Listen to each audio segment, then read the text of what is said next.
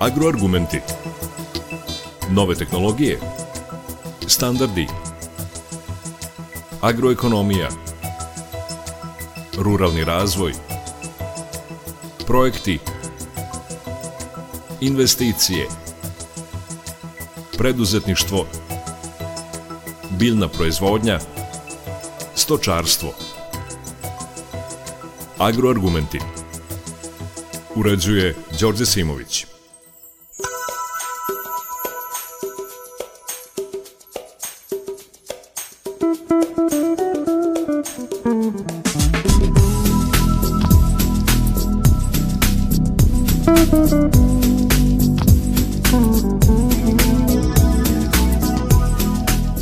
Poštovani slušalci, dobar dan. Tradicionalna regionalna konferencija Food Talk posvećena gastronomiji koja je okupila veliki broj učesnika održana je nedavno na Salašu 137 na Čeneju. Svoje znanje i iskustvo posetiocima su prenela najpoznatija imena iz sveta gastronomije, kao i regionalni stručnjaci koji diktiraju trendove u proizvodnji hrane i vina – U okviru konferencije održano je pet panel diskusija, a posetioci su imali priliku da uživaju u specijalitetima gruzijske i vojvođanske kuhinje, najboljim fruškogorskim vinima, ali da se druže sa najpoznatim kuvarima iz regiona, gastroblogerima, voditeljima kulinarskih TV emisija i legendama ovdašnje ugostiteljske scene. Konferenciju je otvorio vrlo zanimljiv panel nazvan Nove gastronavike, šta nam je pandemija donela, a šta odnela sa trpeze. Najzanimljivije delove sa te konferencije čućete u današnjim agroargumentima. U emisiji govore sociologi Slovenije Branko Vodušek, koordinatorka kongresa Iskrena budućnosti Ivana Vojasin, nutricionistkinja Borjana Depalo, kao i ugostitelji Goran Kovačević i Aleksandar Samarđija Splića – U emisiji ćete čuti kako je pandemija virusa korona uticala na promenu prehrambenih navika i opšte izmenu razmišljanja o hrani, zašto se anksioznost i depresivnost povećava sa loše odabranom hranom, naročito slatkišima, šta su potrošači dobili, a šta ugostitelji izgubili procentom servisa za dostavu hrane. Toliko u uvodu slušamo Orthodox Kelts i pesmu Far Away.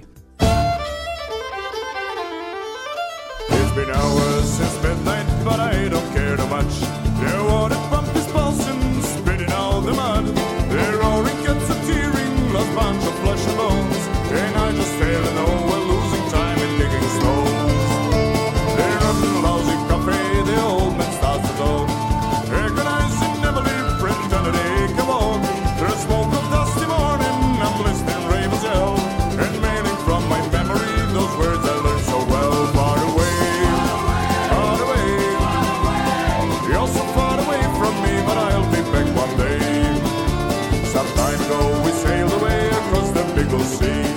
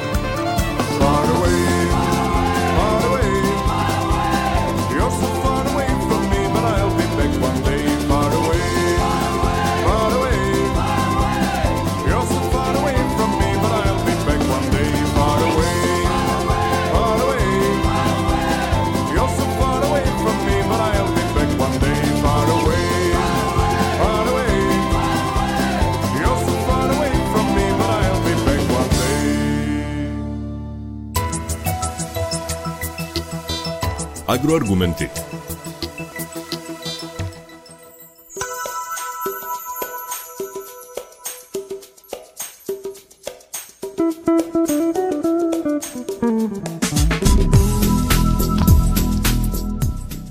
U današnjim agroargumentima sociolozi, nutricionisti i eksperti gastronomije svako iz svog ugla govore o tome šta nam je pandemija virusa korona, uslovno rečeno, donela, šta odnela sa trpeze.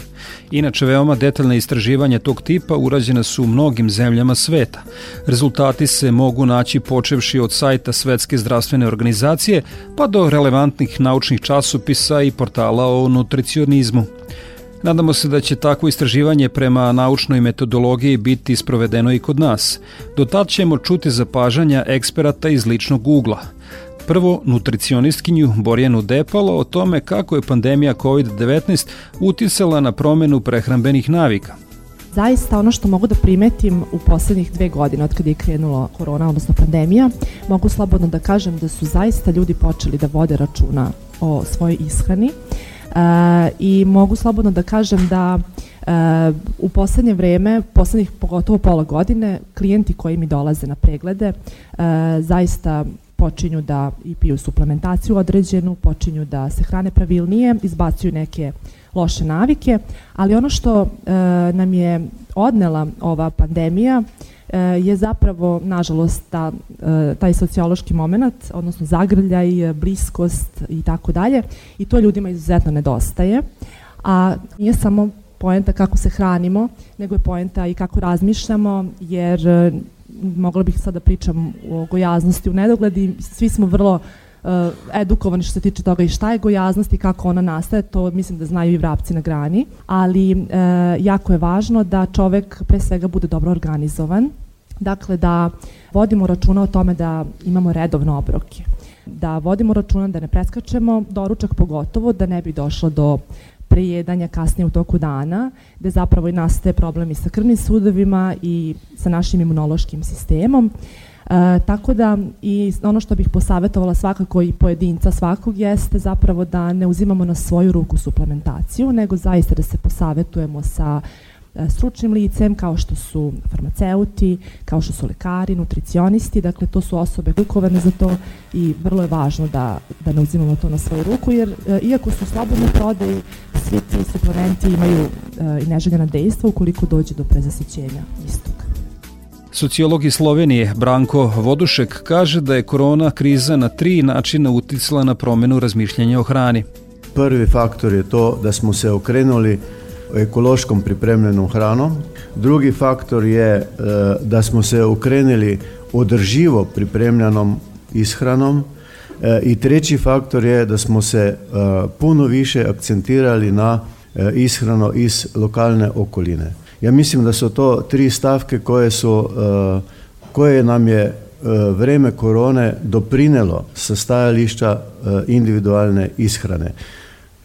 Šta sve to znači za druge ciljne grupe, to je drugo pitanje. Šta to znači za prodavnice, šta to znači za IT tehnologiju, šta to znači za, za turizam, gostinstvo i sve ostale stvari, to su druga pitanja, ali ako polazimo iz našeg individuuma, to su tri faktora koje će e, u budućnosti naročito i jako e, intenzivno i duboko uticati na naš odnos do hrane. Naš odnos do hrane se u vreme korone povećao i produbio. Puno više smo samoj ishrani pripisali e, elemenata zdravlja, jer korona nas je zatekla u u nekom segmentu gde nas je sve gurala u, nekoj, u neko nezdravo situaciju i mi smo u svesti pokušali da tu nezdravo situaciju prevaziđemo naročito ishranom. Tako da je ishrana u naše živote stvarno unela elementarne promene, deficit socijalnog druženja, to je element koji je uvek bio povezan sa hranom, a korona nam ga je izuzela iz iz naših bića, iz naših srca, iz naše duše i tako dalje. Tako da je to e, nedostatak nedostatak kojega ne možemo prevazići tek tako, ne, jer je zavisan od, od e, cele okoline našeg, e, našeg svaki, svakidašnjeg života. Goran Kovačević iz hotela Viceroy na Kopaoniku kaže da je korona kriza uticala na to da racionalizuju sve postupke u procesu pripremanja hrane. Dodaje da je nedopustivo da se toliko hrane baca.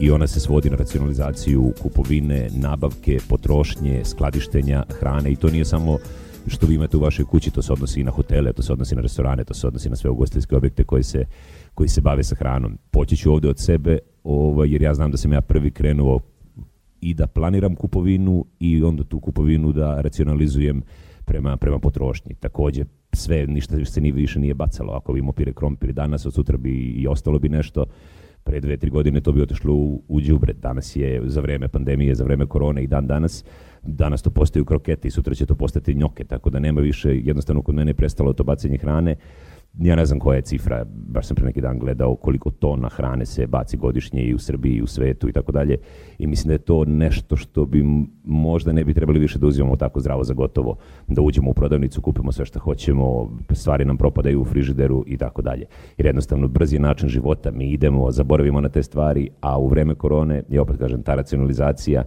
me vratila na, na početak i ono što suštinski mi jesmo, znači hrana ne treba da se baca ili je pripremi potroši i mislim da bi to bilo negde i kažem ne samo za, za, za privatne kuće, domove i to, već i za hotele i za restorani, za sve koji se bave sa hranom, da malo ozbiljnije tretiramo, tretiramo hranu u budućnosti.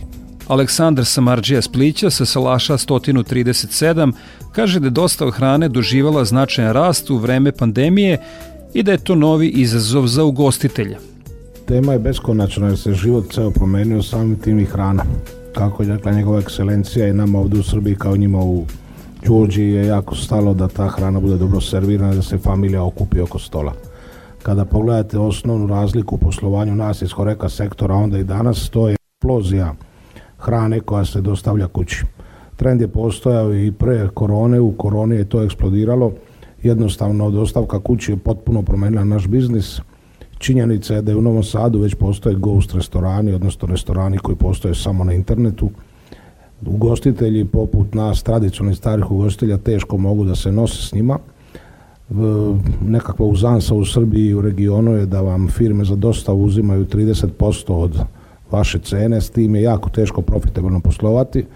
Tu posluju samo gost restorani, znači iznajmili ste lokal negde u industrijskoj zoni gde je cena najma minimalna, nikad niste kupili stolove, stolice, čaše, noževe, viljuške, stolnjake, nikad niste zaposlili čistačice, nikad niste zaposlili konobare. Vi imate vaš restoran koji je apsolutno legitimni restoran koji postoji samo na internetu. U istom objektu možete kuvati 10 kuhinja što vam omogućava da familija u kojoj se odluče da dostavu uveće kaže ovako moja čerka će picu, ja ću sarmu, moja žena će kinesku hranu, a kinesku, a talijansku hranu hoće sin. Danas u sistemu poslovanja nas restorana koji hranu dostavljamo preko kurirskih službi vi morate zvati četiri restorana. Kad se oformi jedan dobar veliki, a već se gradi Ghost restoran u Novom Sadu, imašte jedan restoran gde na jednoj adresi ljudi to sve skuvaju i s iste adrese vam sve skine.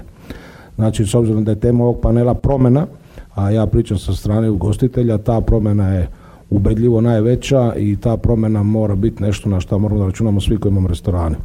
Sala 137 ima prednost da je country club.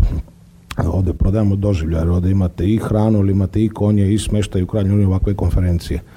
Ostali moji kolege koji ne prodaju doživljaje, koji nemaju divan restoran na Dunavu ili u nekoj marini su potpuno svesni toga da moraju naći načine da pariraju ljudima koji su se specializirali za dostavu.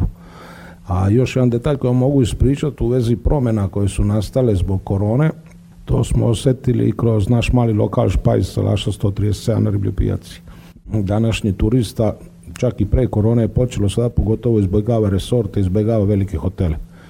Ljudi su spremni da iznajme stan ili da iznajme kuću, jer se boje interakcija sa puno ljudi, znate, vi kao u Sheraton tamo ima 300 soba i 600 gostiju i ne znam, 150 zaposlenih trend toga da mi svi danas putujemo po svetu tako što iznajmimo nekakvu kuću ili neki stan, doneo jedan novi turistički proizvod u Horeki, a to je doručak. I sami znate da puno mladih ljudi dođe u Novi Sad i iznajme stan. Provedu se, jer inače prodajemo ludi noćni život, po tome smo počeli praviti brend, što možda i nije pametno, ali tako je kako je.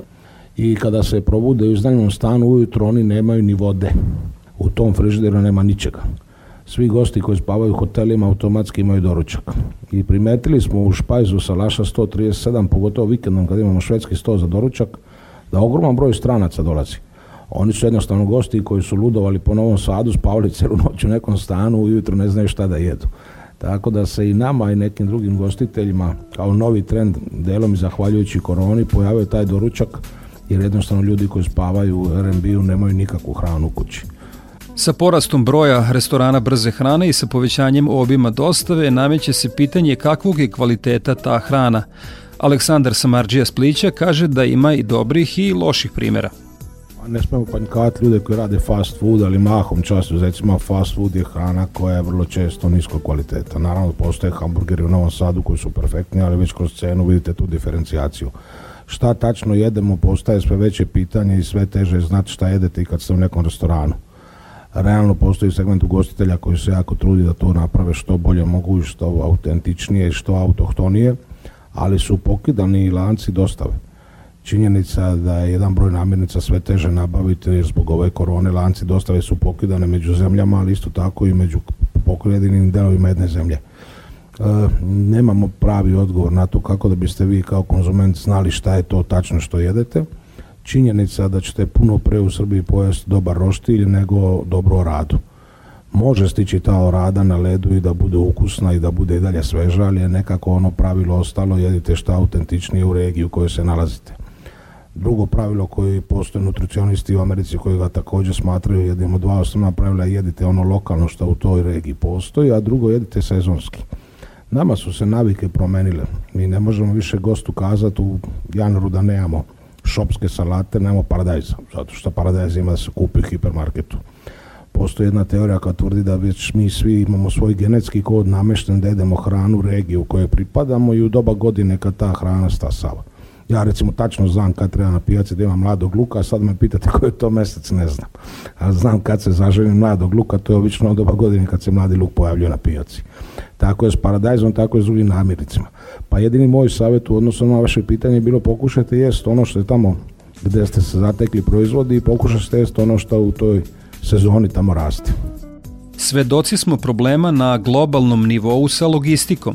Sociolog iz Slovenije Branko Voduše kaže da ovaj segment prehrambenom uzima dobar deo prihoda. Industrija logistike je u to godinu i pol, možda koji mjesec više, po mom uh, aspektu uzela prehranskom sektoru dobar dio dodane vrednosti. Taj logistični je zato da mi možemo jesti kod kuće ili na radnom mjestu ili bilo gdje, uzeo dodano vrednost kulinaričnom segmentu. Ja mislim da to će u budućnosti imati još veće konsekvencije i možda e, će se otvarati na tu temu e, pojedinačne debate da bi se to ponovo stavilo na period ispred, e, ispred korona vremena. To je jedan aspekt. Drugi aspekt je koliko nam je ta digitalizacija nama lično pomogla da smo mi u neposredno kod proizvođača, kod trgovaca ili kod neke pijace mogli uspostaviti direktni kanal da dobijemo hranu iz blizine putem digitalizacije. To je pozitivna vrednost toga i to će sigurno budućnost u sljedećim godinama pokazati koliko je to e, dobro utjecalo i na kvalitet hrane, na dostupnost, na, na održivost e, u segmentu e, prehrane i tako dalje i na, na značaj lokalno lokalno pripremljenih namirnica i, i prehrane. Tu je u trgovačkom, trgovačkom segmentu su jako velike razlike u Europi. Na primjer, Engleska je tu eksplodirala, 56% više ljudi e, po digitalnim kanalima nabavlja e, namirnice nego prije e, korona krize. Kad je prije korona krize je bilo značajno da je digitalno uspostavljene odnosa do hrane, do namirnica raslo godišnje po stopi 10%. Za vrijeme korone to se, to se povećalo na 35%. Nije to veliki deo u segmentu pripremanja hrane, prehranjevanja i tako dalje, nego je, nego je deo koji raste enormno brzo. I to će sigurno imati velike utjecaje na segment kulinarike, prehrane i poljoprivrede u, u celini. Još sam htio napomenuti da nam je ta digitalizacija na neki način uzela socijalno blizino u uh, segmentu konzumiranja koja je već iz prvog dela smo to rekli jako, jako značajna. Mi smo nekako pali na, na terminologiju COVID vremena. Terminologija COVID vremena je svaki dan ispostavljala da, da se trebamo distancirati od socijalne blizine da ne bi prenosili virusa iz osobe na osobu. A to je greška u, u generičnom smislu. A mi smo to socijalnu blizinu nekako uzeli iz tih timova koji su se bavili samom bolešću i, i generalizirali, generalizirali ju među nas. I zamenili smo socijalnu blizinu za fizičko blizino, odnosno ne blizino. Ne? Tako da tu smo nekako u tom smislu što, je, što, što smo e, pojedinci tako i tako skloni da, da ponavljamo neki e, e, uzorak e, ponašanja, to smo ga nekako ponotranili i to se isto kaže na, na, na trpezi, na, na, na stolu. Tako da tu imamo puno, puno za uraditi, puno za uticati da na neki način prevaziđemo taj romanticizam koji je u prehrani nam bio blizak, nije možda imao neki značajni segmenat, ipak je prehranski prehranski segmenat je ipak biznis na kraju krajeva, ali biznis sa mnogo, mnogo specifičnosti, mnogo, mnogo socijalnih elemenata i to ćemo trebati u vreme digitalizacije koje se neophodno će povećavati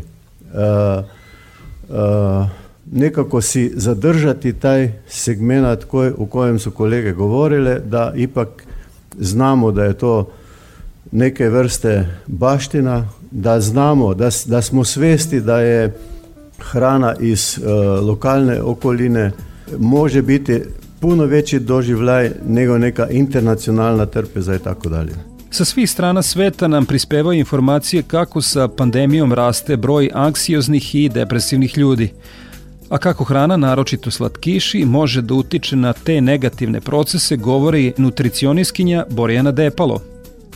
Zaista hrana, postoje namirnice koje izazivaju anksioznost i depresiju. E, ja ću sad malo baciti na struku pa ću vam ispričati interesantnu stvar da kada smo u uterinom periodu, dakle kada smo u maminom stomaku, e, do od 6. do 8. nedelje starosti se dešava takozvana organogeneza, to je znači formiranje vitalnih organa gde zapravo prvo se formiraju naši unutrašnji organi, a tek nakon 6. do 8. nedelje se formi, formira mozak, kičmena moždina i tako dalje. I upravo iz e, creva se formiraju zapravo ki, e, kičmena moždina i mozak i to je ta takozvana neraskidiva veza koja e, hrana i misli i naše, da kažem, psihičko stanje. E, većina mogu da kažem slobodno 90% pacijenata koji pređu na neku pravilnu ishranu, izbalansiranu, zaista imaju visok stepen, odnosno e, veliko poboljšanje samog psihičkog stanja.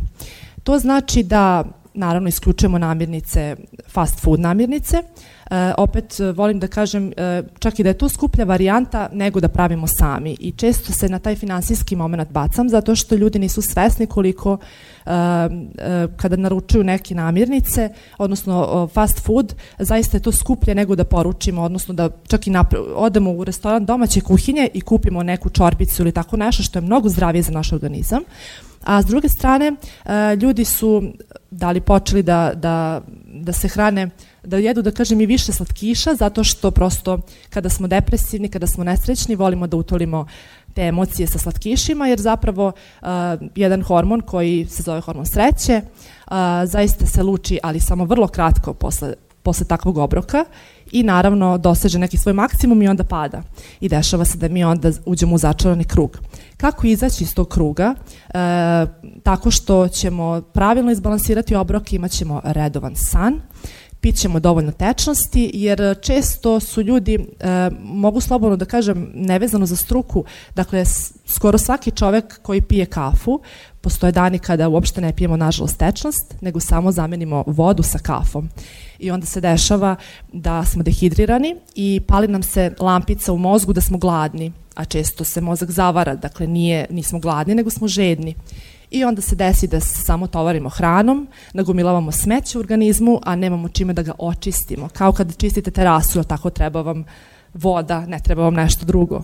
Tako da eto, to, to sam žela da podelim sa vama. Mislim da je to jako važno da svaki čovek to zna. Depalo objašnjava i zašto počinjemo zdravo da se hranimo tek kada bolest zakuca na vrata. Pa mislim da nam je od malih nogu nekako kalemljeno da pijemo čaj samo kada smo bolesni, jer mama i tate su nam davali samo čaj kada imamo temperaturu. da, jeste interesantno. Ja sam bila inače u Kini i interesantno mi je što oni, uh, videla sam čak i policajci na ulicama, pored uh, svoj, svog oružja, drže i svoje termose i kod njih možete na svakom ćošku da kupite, u Šangaju konkretno, uh, termose za hot water, odnosno vrelu vodu, koja je prečišćena, dakle to nije česmovača, to je prava voda koja je filtrirana i vrela i oni zaista to piju toku dana i zato jesu tako vitalni većina, većina njih. Mada mislim da sad već kako je taj nagli industrijski skok kod njih u poslednjih 20 godina, mislim da su i, i njima je ovaj moderni način života da on ovaj, uzeo maha i da ima i gojaznih i u Kini. Eh, po tim većim gradovima, ali zaista ono što sam mogla da vidim na jugu Kine, eh, u tim ruralnim sredinama gde ljudi ne žive u pećinama, oni su izuzetno vitalni i zdravi i kod njih nema ateroskleroze, srčanih oboljenja, odnosno ima, ali u mnogo, mnogo manjem, manjem procentu nego što je to u Evropi. Ivana Vujasin godinama učestvuje u pripremi i organizaciji kongresa Ishrana budućnosti. Javnost upozorava da se na društvenim mrežama svašta promoviše kao biološki vredna hrana. Živimo u 21. veku gde imamo jako puno informacije i onda ljudi upravo ne znaju, nisu dovoljno, da kažem, edukovani, ono što njima servirano ili izletelo na internetu, ti kupljeni lajkovi, sponzorisane reklame, oni to jednostavno primene i smatraju da je to eto, ovaj, dobra hrana, organska, odu u markete i danas marketi svi imaju u svojoj ponudi organsku hranu, međutim onda vi imate jednu aparaturu gde vi lako možete proveriti da li je to hrana organska. Ja neću naravno sad imenujem da sam kupila i pošto ja posjedujem sve te aparature, stavila sam u vodu, pustila, znači voda je toliko penila što pričamo o nekoj organskoj hrani koja je takođe puna ko zna kakve špecije a Aleksandar Samarđija Splić objašnjava pred kakvim se problemom nalazi osoblje Salaša 137 kada im gosti naruče organsku hranu. A ako već smo se dotakli ovog organika, jer nas vrlo često u restoranima pitaju da imate organski jelovnik, ako ne možemo da velimo u sustav vrednosti ko na nešto sertifikuje i garantuje, sve je vrlo upitno. Da li je naša sertifikacija organskog tačna i pouzdana veliko je pitanje i ne samo kod nas. Pritom u Srbiji ne postoji nikakav uzgoj divljači osim uzgoja fazana, te na primjer ono što možete biti sigurni i da ste detetu dali kvalitetno meso je da mu date meso divljači, koje se nazva sve ređe sprema. To meso ne može biti organsko. Od riba možete kupiti brancina i oradu u svim prodavnicama i kod nas i to su organski brancini orada ukoliko su u kavezima u kojima žive hranjeni organskom hranom. Ne možete kupiti skušu ili srdelu koje su organika. Znači tu dolazimo do velikog apsurda. Ono što jeste najbolje u ovom slučaju, ovo su samo dve teme, divljač ili divlja riba, ne mogu da imaju sertifikat organik jer ne može da ih se prati od rođenja ili od mriješćenja pa do momenta dok smo ih doneli na trpezu. Tako da tu dolazimo od trećeg pitanja, naravno bakino dvorište ne znači da je najbolje, stvarno pitanje šta je deda prsko, s druge imate jedan segment hrane poput ribe ili poput divljači koja je apsolutno najpribližnije onome što bi trebalo da bude organik, ali ne može biti organik jer je sad nemoguće pratiti razvojni put divlje svinje u Vojvodini. Tako, otprilike teško je biti pametan i moramo uzeti sami za sebe da prilično dobro prosudimo šta bi to moglo biti što našem organizmu najviše prija. Toliko u današnjim agroargumentima u kojima smo govorili o novim gastronavikama u vreme pandemije virusa korona. Za kraj emisije slušamo Kinga i pesmu No Woman, No Cry – Ja sam Đorđe Simović i pozivam vas da ostanete uz Radio Novi Sad. No woman, no cry No woman, no cry No woman, no cry. No woman, no cry. See, I remember to sit in a government yard in Trenchtown, yeah. Ever, ever serving the hypocrites. Mingle with the good people we meet. To the friends we have, to the good friends we've lost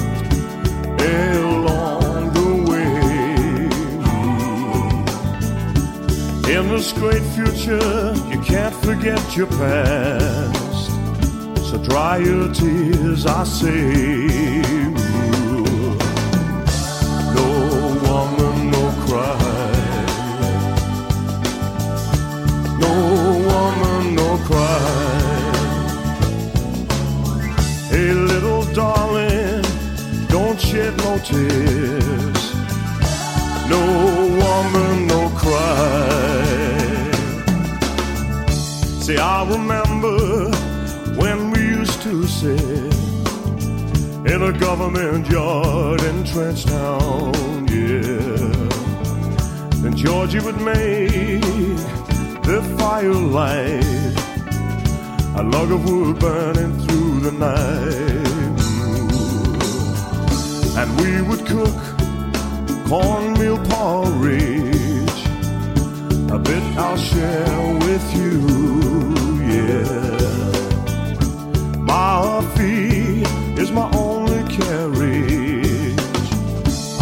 got to push on through. And while I'm gone, everything's gonna be alright. Everything's gonna be alright. Everything's gonna be alright. Everything's gonna be alright. Everything's gonna be alright.